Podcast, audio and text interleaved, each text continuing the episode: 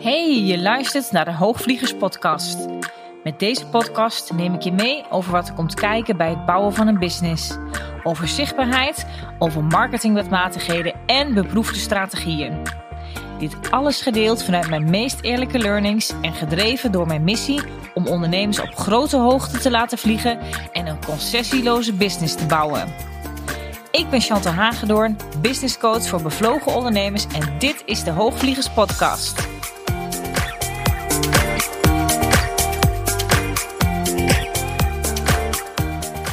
Hier is dan de allereerste Hoogvliegers Business Podcast, waar ik eerlijk met je ben over business, over wat er komt kijken bij het bouwen van een business, over zichtbaarheid, over mindset, over marketingwetmatigheden en beproefde strategieën.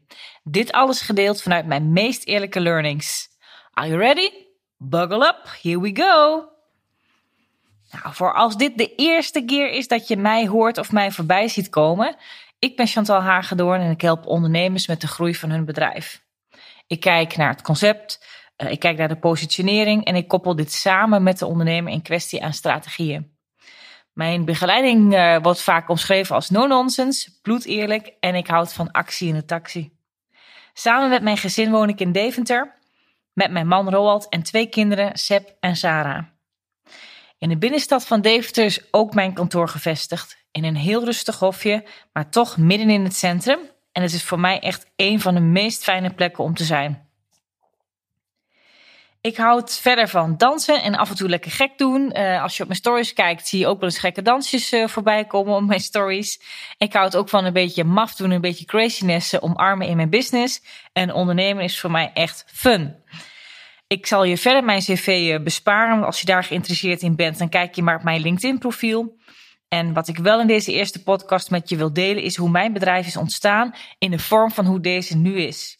Zo leer je mij vanzelf wel een beetje beter kennen, denk ik. En zitten hier ook vast waardevolle lessen voor je in. Omdat ik denk dat je echt een aantal zaken gaat herkennen. En wellicht helpt het jou ook in je groei als ondernemer en met jouw bedrijf. De manier hoe ik nu onderneem is namelijk totaal anders dan hoe ik een aantal jaren geleden aan het ondernemen was. Ik noem het letterlijk ook wel mijn oude manier van ondernemen naar het nieuwe ondernemen zoals ik tegenwoordig doe. En ook dat ik daar behoorlijk wat hobbels voor heb moeten nemen. Nou, in 2011 ben ik gestart met mijn eerste bedrijf. Dat was een praktijk waar ik vrouwen hielp die angst hadden voor hun bevalling of die een traumatische bevalling wilden verwerken. Die niche die had ik niet direct zo gevonden, die is gaandeweg zo ontstaan. In het begin deed ik namelijk vooral van alles en nog wat. En uh, ik herken het wel eens bij meerdere ondernemers die voor het eerst uh, een bedrijf opstarten. Ik uh, werd eigenlijk nog ingehuurd door mijn oude werkgevers, waarbij ik bijvoorbeeld een grote modeshow organiseerde van A tot Z, inclusief de choreo voor de mannequins. En ik ook een grote werf- en selectieklus deed voor een andere oude werkgever. Dus het, uh, ja, het raakte kant nog wel, om het zo maar te zeggen. Maar ik was wel lekker bezig. Ondertussen was ik dus bezig om die praktijk op te zetten. En dat was eigenlijk wat ik probeerde om mijn core business te laten zijn. Maar omdat ik hier nog niet duidelijke richting voor had bepaald, kreeg ik dus ook zeer uiteenlopende cliënten en zat er ook weinig structuur in mijn bedrijf. Ik ging mee met wat er op mij afkwam. Nou, achteraf gezien had ik veel sneller een groei kunnen doormaken met mijn bedrijf, maar toch kijk ik met veel plezier op deze periode terug. En had ik het voor geen goud willen missen. Want ik mocht dan wel hinken op twee benen, maar ik ging wel. Toen ik door het krijgen van mijn eigen kinderen in 2010 en in 2012 geraakt werd door alles wat er bij zwangerschap, bevalling en geboorte van een kind kwam kijken. En ik ook zag om me heen hoeveel vrouwen en ook mannen trouwens hier iets heftigs in meemaakten. En waardoor men soms ja, door een diep verdriet ging. Angst had bijvoorbeeld, of dat men het gevoel had zichzelf kwijt te zijn geraakt. Uh, werd dat mijn niche en richtte ik mij volledig op deze doelgroep. Nou, dat is een hele goede set voor mij geweest, want mijn praktijk groeide hierdoor jaar na jaar. Ik werd gezien als een expert. Ik uh, werd soms gevraagd voor publicaties. Ik had een samenwerking met de verloskundige praktijk. Ik hielp uh, vele vrouwen en alles liep lekker, zo gezegd. Regelmatig werd er in die tijd ook aan mij gevraagd door andere coaches en therapeuten hoe ik dat toch deed. En vond ik het ook leuk om hierin uh, af en toe advies te geven. Wat ik overigens gratis deed en vanuit een stukje goodwill. Nou, so far so good, zul je denken.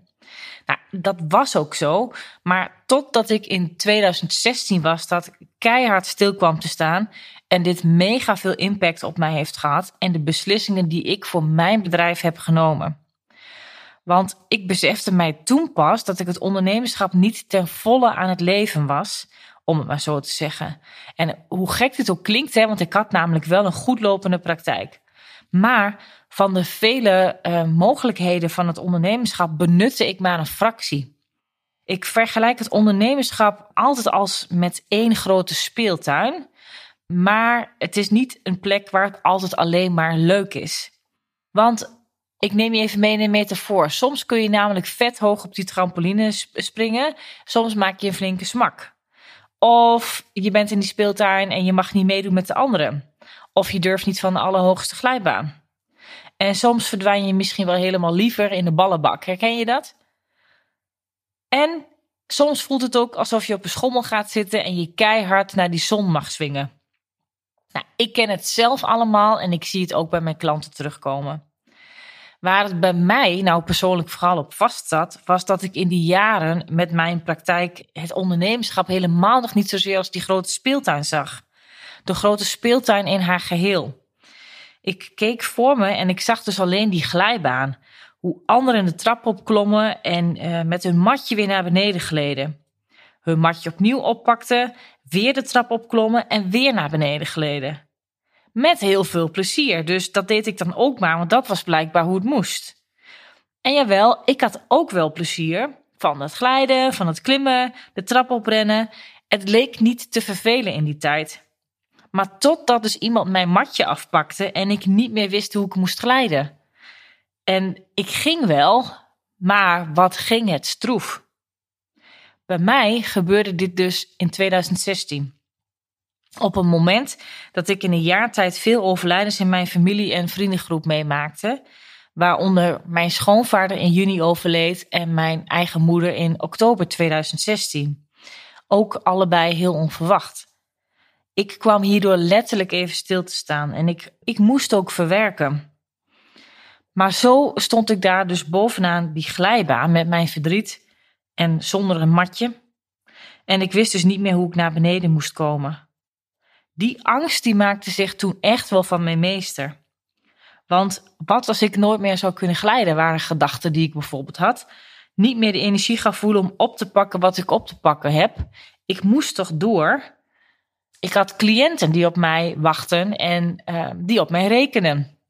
En zo stond ik daar dus bovenaan die glijbaan en te treuzelen. Dat duurde een tijdje, totdat ik mijn tranen droogde en weer opkeek. En ik besefte met toen pas dat ik die hele glijbaan dus niet meer zo leuk vond. Ik ook niet meer zoveel plezier aan mijn uh, praktijk beleefde.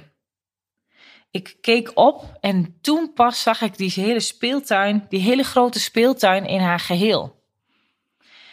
Ondanks het verdriet kwam er toen ook iets anders naar boven. Een heel sterk verlangen en ook weten dat het anders kan.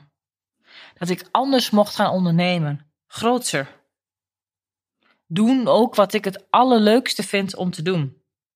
En ook weten dat het ondernemerschap niet aan regels gebonden is. Dat ik zelf mijn regels mocht gaan maken, wat goed werkt voor mij.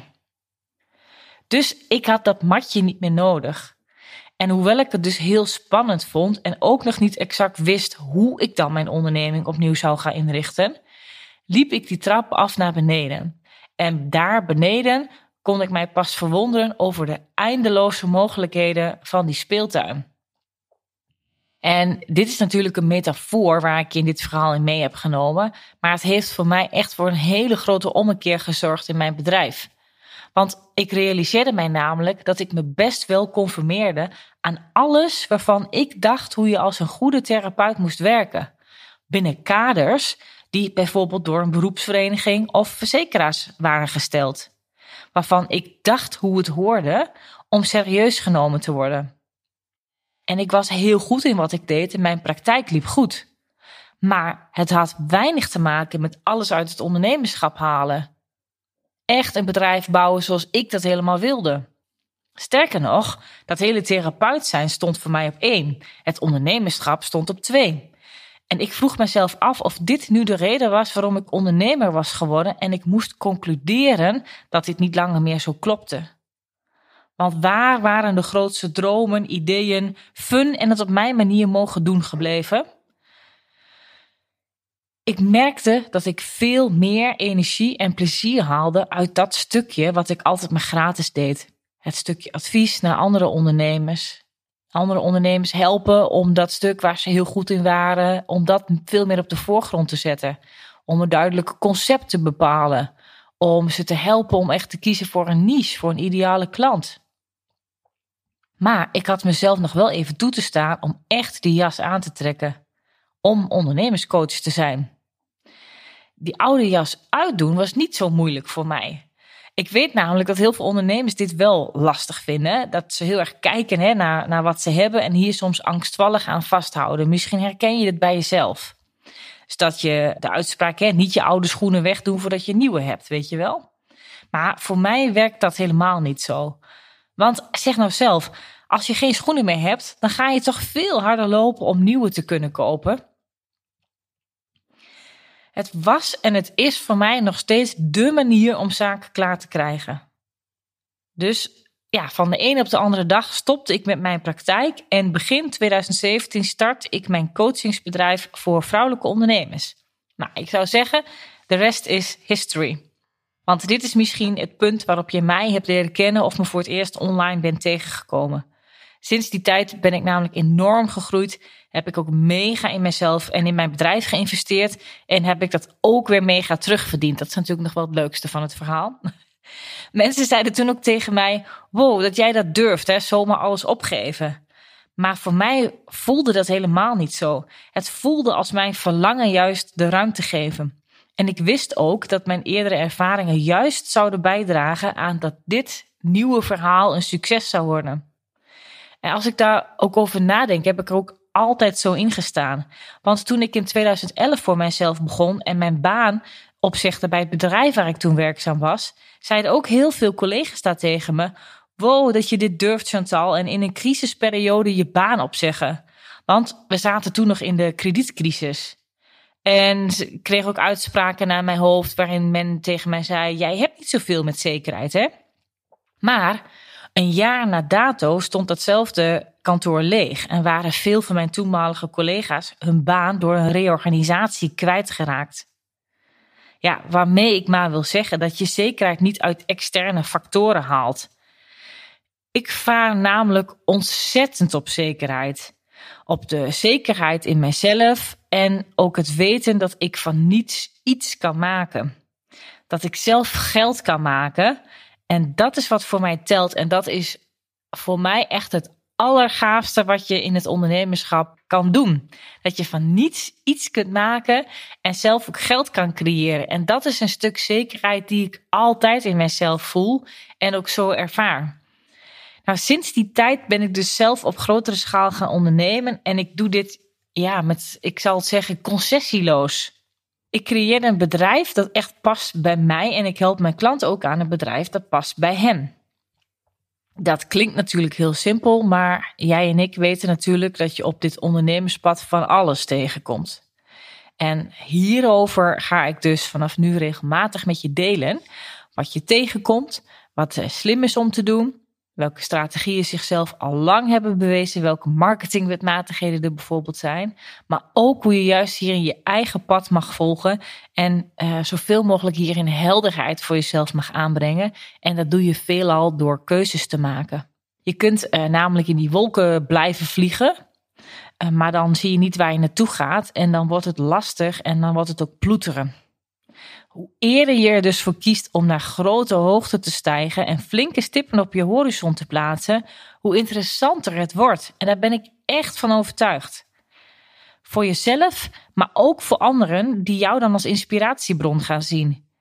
De eerste regel van succes is namelijk dan ook altijd om een visie te hebben. Als je die niet hebt, dan ben je wat aan het ronddrijven en dan weet je dus niet waarheen. Je kan de beste piloot zijn, zo gezegd, maar als je niet weet waar je naartoe moet vliegen, wat is dan de point? En dat is voor mij ook wat een hoogvlieger doet. Concessieloos ondernemen, op grote hoogte gaan vliegen. Jezelf laten zien en je visie delen. Dat wil niet zeggen hè, dat je geen contrast nodig hebt. Dat is iets anders, want dat heb je namelijk wel nodig. Want van daaruit weet je nog weer beter wat je wilt of wat je nodig hebt. En kun je er vervolgens weer voor kiezen om weer op te klimmen. Ik hoop dan ook dat ik je met deze podcast ergens heb geraakt. Dat ook jij mag kiezen voor dat wat jij wilt. Dat je stopt met concessies doen. Stopt met wat ik noem husselen in je business en maar van alles wat doen. Ik hoorde laatst ook eh, deze mooie quote. Remember when you're doing more doesn't mean you're getting more done. En die is voor mij zo waar. What are you going to do with what you have? want we hebben namelijk allemaal verschillende talenten en het gaat erom wat je ermee doet. Het inzetten om anderen te helpen, een verschil te maken en impact te maken. En dat voelt supergoed. Dat is wat ook voor mij een hoogvlieger doet en je kunt ervoor kiezen je er als één te gedragen. En weet je wat nou ook het mooie is? En daar besluit ik deze allereerste podcast dan ook mee. Hoe hoger je vliegt, hoe minder weerstand. Dit was hem alweer voor nu. Dankjewel voor het luisteren naar de Hoogvliegers podcast. Heb je inzichten opgedaan naar aanleiding van deze podcast? Leuk als je het met me deelt of een reactie geeft via een Insta DM. Wil je meer weten over wat ik doe of hoe je met mij zou kunnen werken? Check dan mijn website www.chantalhagedoorn.nl. Houd je stippen op de horizon en heel graag tot de volgende aflevering.